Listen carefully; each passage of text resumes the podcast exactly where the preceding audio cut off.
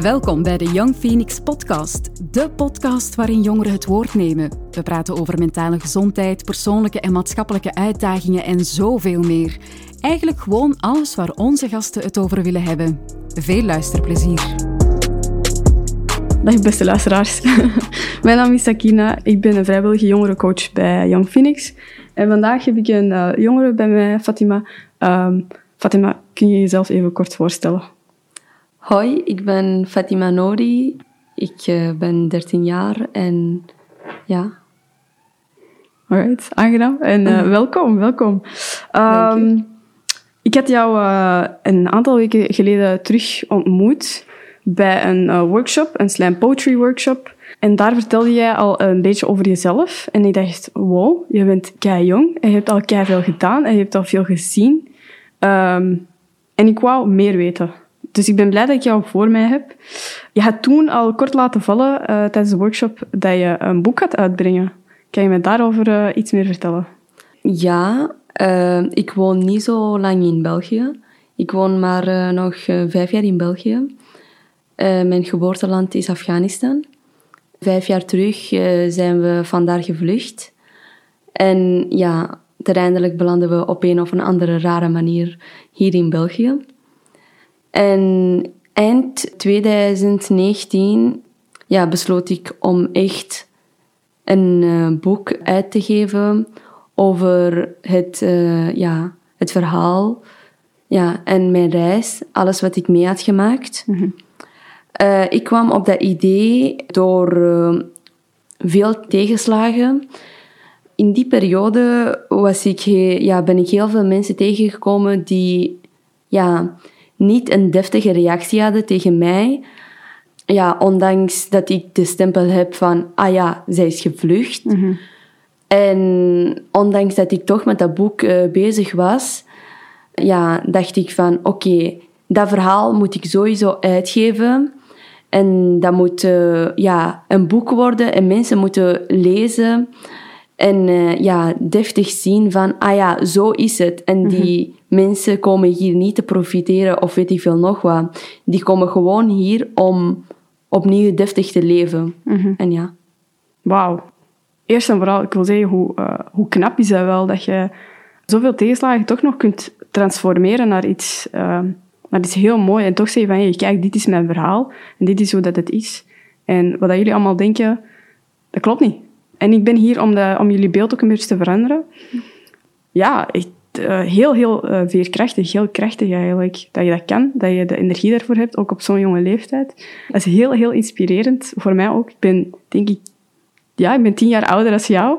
En dat geeft mij zelfs energie om te zeggen van, hey, ik sta hier niet alleen voor. En, en, en uh, mensen hun gedachten gaan veranderen, zeggen van, hey, wij, wij zijn wel, wij zijn wel mensen, mensen, menselijk ja, dus dat is inspirerend. Dus dank je daarvoor. Mm -hmm. Ik kijk heel hard uit naar jouw boek ook. En je zegt je, dat je bent vijf jaar geleden eigenlijk moeten vluchten van, eigen, van, van herkomstland. Ja. Wist je toen al iets over België? Of had je al een beeld? Of, of had je er iets van opgevangen? Nee, ik wist helemaal niks over België. Ja. Ik ben daar ook niet naar school geweest. Dus ik wist helemaal niks over ja, buitenwereld. Mm -hmm. En ja, wij wisten ook niet dat we in België gingen blijven. Dat is ook heel toevallig. Uh, dat komt ook voor in het boek. Alright. Uh, ja, daar rond zit een hele drama. Mm -hmm. uh, en daardoor dat we ineens zo in België zijn beland. Ja. Het doel was om zo ver mogelijk te vluchten van Afghanistan. Wow, oké. Okay. Gewoon ver. En als dat wat er is gebeurd niet was gebeurd in België, mm -hmm. ja, dan hadden we waarschijnlijk uh, verder gereisd. Mm -hmm. Maar uh, wat het juist is, daar, daar komen we wel nog achter, zeker? Ja, okay, als je dus dat ga ik lezen. Ja, ja, tuurlijk, tuurlijk. um, dus ik ga daar niet te veel vragen over stellen. Ik denk dat ik meer de vraag heb nu van... Toen je dan hier aankwam, wat was jouw indruk van België? Of wat voelde je misschien toen je hier aankwam? Uh, ja, voordat we ja, in België waren, uh, zijn we over heel veel vreemde landen, ja... Jullie zijn veel ja, doorgerezen, hè, doorgerezen. Hier zijn. Ja. En we zijn in heel veel vreemde landen geweest. En ja, het begon al bij Turkije, dat uh, het ja, ineens een land was dat uh, zo helemaal, een, ja, helemaal anders was mm -hmm. dan Afghanistan. En toen ik in België was, ja, dat vond ik ook redelijk raar. Vooral omdat ik met niemand kon communiceren. Ah, ja. En ik ben zo iemand die echt overdrijven veel communiceert en gewoon met iedereen praat en ja, altijd op een of een andere manier iets zoekt om mm -hmm. met mensen te communiceren. Ja. En, ondanks, en ja, ik kon dat niet. En dat voelde echt heel vreemd. Mm -hmm. En ja, ik wou dat wel leren. Ik, ik wou dat kunnen. -hmm. En ik vond dat echt vreselijk dat dat niet kon. Ja, uw, uw, uh, uw communicatiemiddel valt weg, dus daardoor kun je ook geen nieuwe relaties aangaan, of een Ja. verbinding eigenlijk. Hè? Want dat is wat je een beetje zegt. Ja. Je, bent, je bent een heel spontaan en super fijn ook om je, je. om je te begeven in je, in je, in je, in je, ja, in je cirkel eigenlijk, in je, in je comfort. En ik merk ook dat jij, dat jij helemaal niet bang bent om vragen te stellen, om te zeggen van, hey, ik wil eigenlijk beter leren kennen. En hoe denk jij daarover? En, en, en daarnet hebben we het al een beetje gehad, hè, van, uh, wat zou jij denken dat een goede titel zal zijn voor mijn boek, waar we straks ook gaan, over gaan uh, babbelen. Ja. En dat, dat, dat, is- dat toont ook wie dat je bent. Dat is heel fijn. Dus ik kan wel begrijpen dat je zegt van... Als ik hier aankwam en dat viel weg... Ik voelde mij misschien um, in, in een hoekje gedreven of, of, of wat ver, verloren. Of zijn dat juist, de juiste woorden dan? Of, Uh, hoe ik voelde me zo... Ik voelde mentaal verloren. ja. Ik, het, ik had het gevoel van... Wat ik tot nu al allemaal kon, dat is nu weg. Ja. Niemand, niemand spreekt dat. Mhm. Dus eh, de enige contactpersonen in mijn leven, ja, dat zijn nu mijn familie. Mhm. Eh, en ja, daarbij blijft het. Ja. En in mijn geval is dat, is dat echt onmogelijk is. Want Natuurlijk. eh, ik maak eh, veel te snel eh, ja, contact met mensen. En ja, dat was echt niet kunnen. Mhm. En daardoor dat ik er ook alles heb aan gedaan om Nederlands te leren. En je gaat nu een boek uitbrengen in het Nederlands. Ja, Kijk, echt... eh, Wauw. Echt... dank je. dat maakt een, een poëet helemaal woordeloos. Dat is echt zo graaf.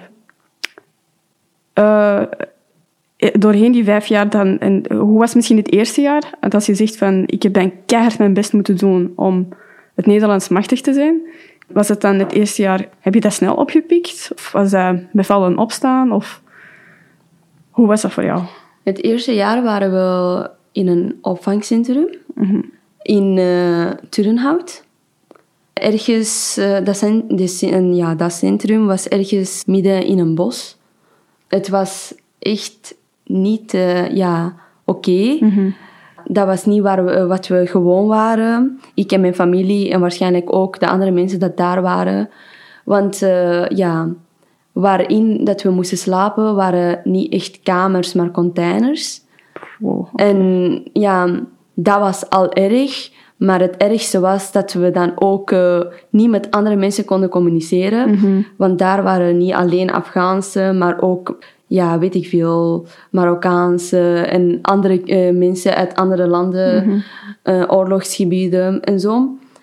En dan had ik eh, het ding van, ik moet hier ja, een taal vinden zodat ik met iedereen kan communiceren.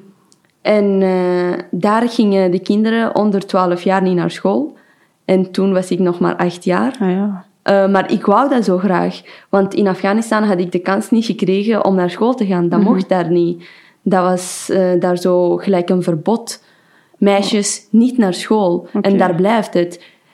En ehm, ik wou dat heel graag. Daar, wel, eh, daar waren wel heel veel assistenten die ja, ja, Nederlands spraken, logisch. hè. En dan ging ik op een of een andere manier contact zoeken met die assistenten. En ik heb dan zo aan hun gevraagd van, ja, ik wil echt jullie taal leren. Mm. En eh, op de eerste gezicht vonden ze dat super vreemd. Dat eh, een achtjarige meisje eh, ineens een taal wou leren. En die vonden dat ook heel raar, dat ik dat echt wou. Ze hebben mij wel geholpen. Die hebben mij niet echt lesgegeven en zo. Het begon allemaal zo gewoon eerst woorden onthouden, betekenis opzoeken. En dan eh, na een paar maanden kon ik wel verstaan wat ze zeiden. Maar ik kon het niet ja, perfect spreken en nog steeds kan ik het niet. Zo is dat begonnen. En na zes maanden of zo kon ik het wel zo een beetje spreken. En zo is dat elke, day- elke dag beter en beter geworden. Na zes maanden al, wow.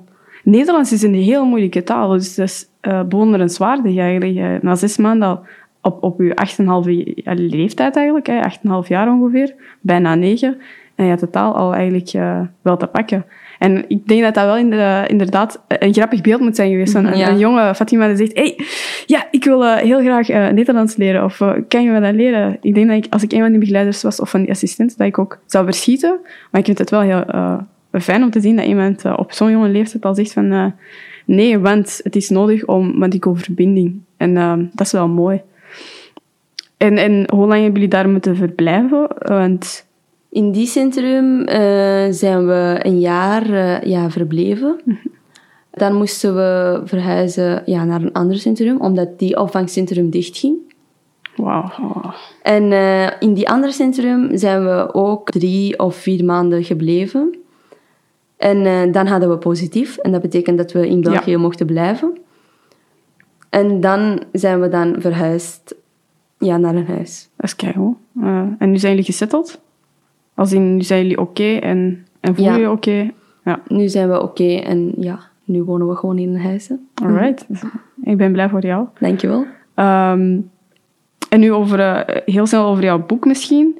Ehm, we hadden het daar net e- eventjes over, over, over de titel. En dat je daar nog over twijfelde. Maar een aantal weken tijdens de workshop was dat ook nog. En je zei tegen mij, of tegen de groep toen, dat de, mogelijk, of de tijdelijke titel eh, het boek van Fatima zou zijn. Maar daar zijn nog twijfels over. De titel van het boek is momenteel ja, het boek van Fatima, zoals je dat zei. Ik vind dat geen goede titel, omdat dat, ja, als iemand een boek wil lezen, dan, ja, dan kijkt die als eerste en vooral naar de titel. Ja, En als die titel die persoon niet aanspreekt, dan gaat hij ook niet naar de achterkant van het boek kijken om te zien van, ah ja, wat is de korte inhoud? Want eh, dan zou die persoon denken van, ah ja, het boek van Fatima. En dan, eh, dan gaat die persoon zelf dat voorbeelden en ja, zich inbeelden van, ah ja, dat verhaal gaat over een meisje eh, genaamd Fatima. En ja, waarschijnlijk heeft hij, ja, weet ik veel, wat drama meegemaakt. Ja. Dus eh, ja, daarbij gaat het blijven.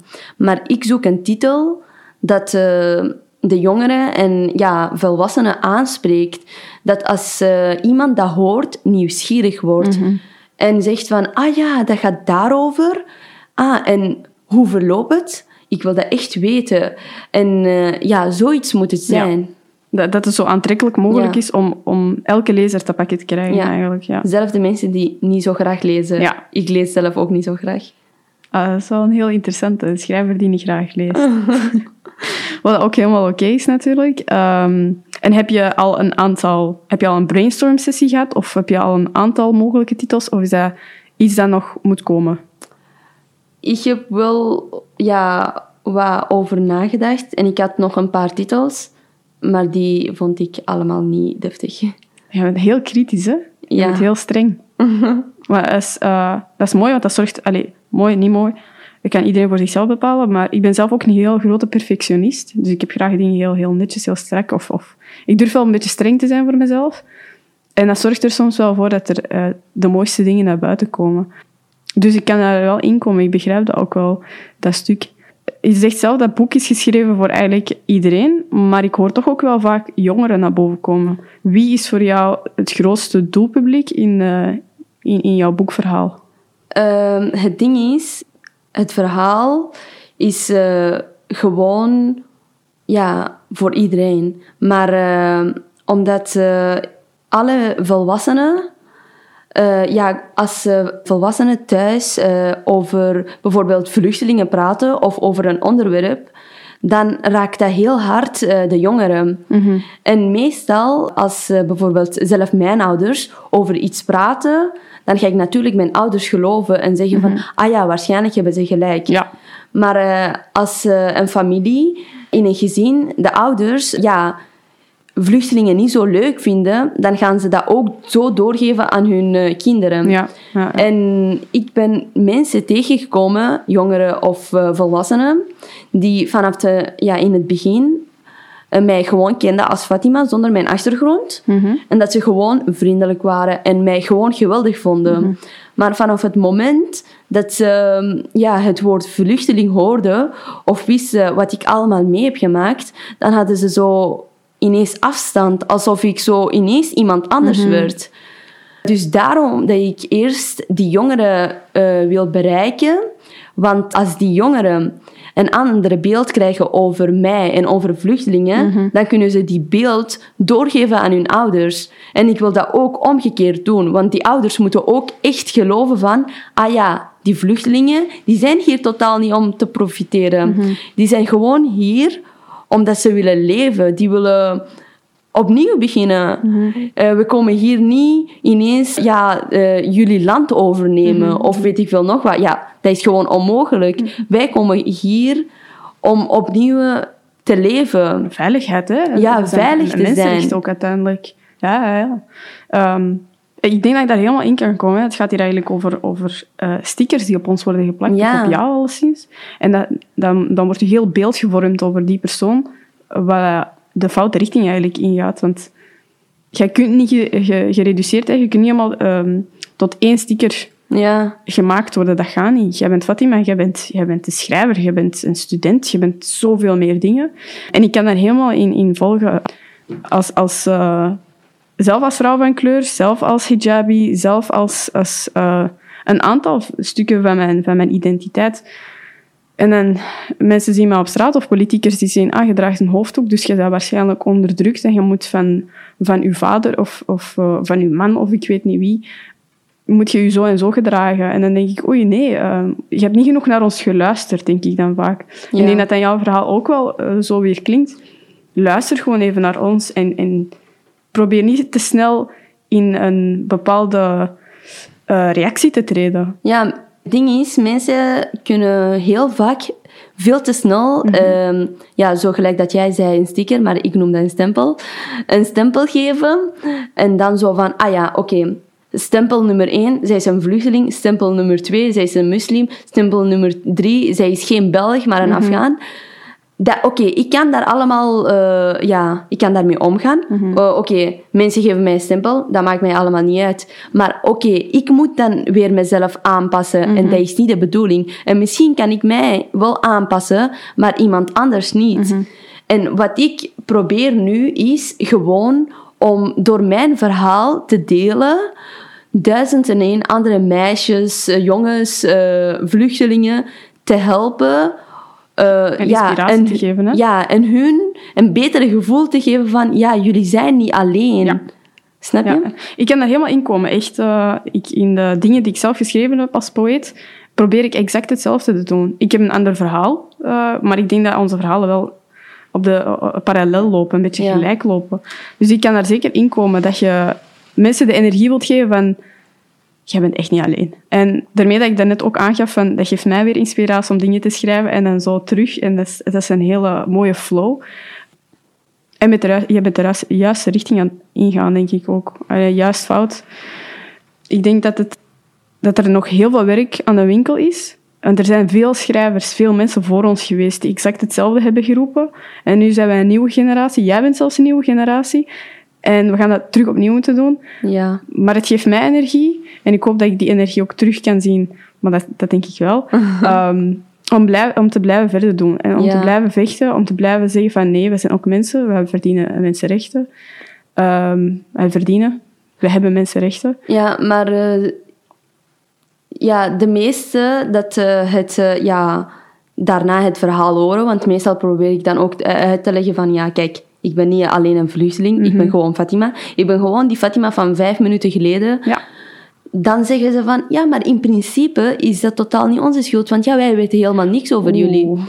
Dus eh, daarom Ja, Daarom dat, eh, ja, dat ik dat boek en dat verhaal wil delen. Want eh, dan hebben ze ja, geen smoesje weer, zo gezegd, om te zeggen van... Ah ja, ik weet niks over jou. Of ik weet niks over vluchtelingen. ik denk de mensen die dat doen, zeker vervallen in iets dat een soort fragiliteit is. Een, een, een, een, een, ja, een fragiliteit toch wel. Een soort van kwetsbaarheid, niet, kwetsbaarheid niet direct, maar um, het is echt eigenlijk een excuus, want uh, Google is gratis en mensen kunnen dat gewoon opzoeken. De doelgroep uh, minderjarige vluchtelingen is is zeker een thema. Ik heb zelf orthopedagogie gestudeerd en dat is ook een doelgroep waarmee dat ik kan werken. Dus we zien dat ook in de opleiding. In onderwijs komt dat aan bod. Dus mensen die zeggen van uh, wij weten niks over jullie, dat is een, een heel groot excuus. Google is gratis, mensen kunnen dat opzoeken. En ik denk dat wat dat jouw boek gaat doen, zeker nog heel grote impact gaat hebben.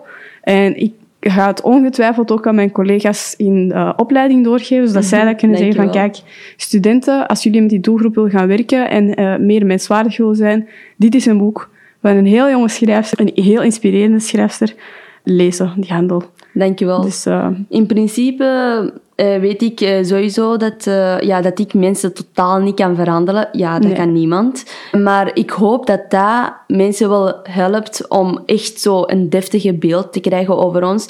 En dat, dat, dat het beeld van ja, vluchtelingen zijn slecht mm -hmm. en die komen hier profiteren, dat dat weggaat. Mm -hmm. ik, ik hoop mee en ik, ik voel dat dat dat we niet direct mensen gaan veranderen, dat klopt. Ja. Maar dat we wel al een, een duwtje in de rug kunnen geven. En, ja. een goede zet. Dus uh, bij deze uh, denk ik dat we uh, heel, heel dankbaar kunnen zijn voor het werk dat je nog gaat leveren en wat je al hebt gedaan. Ik kijk er heel hard naar uit.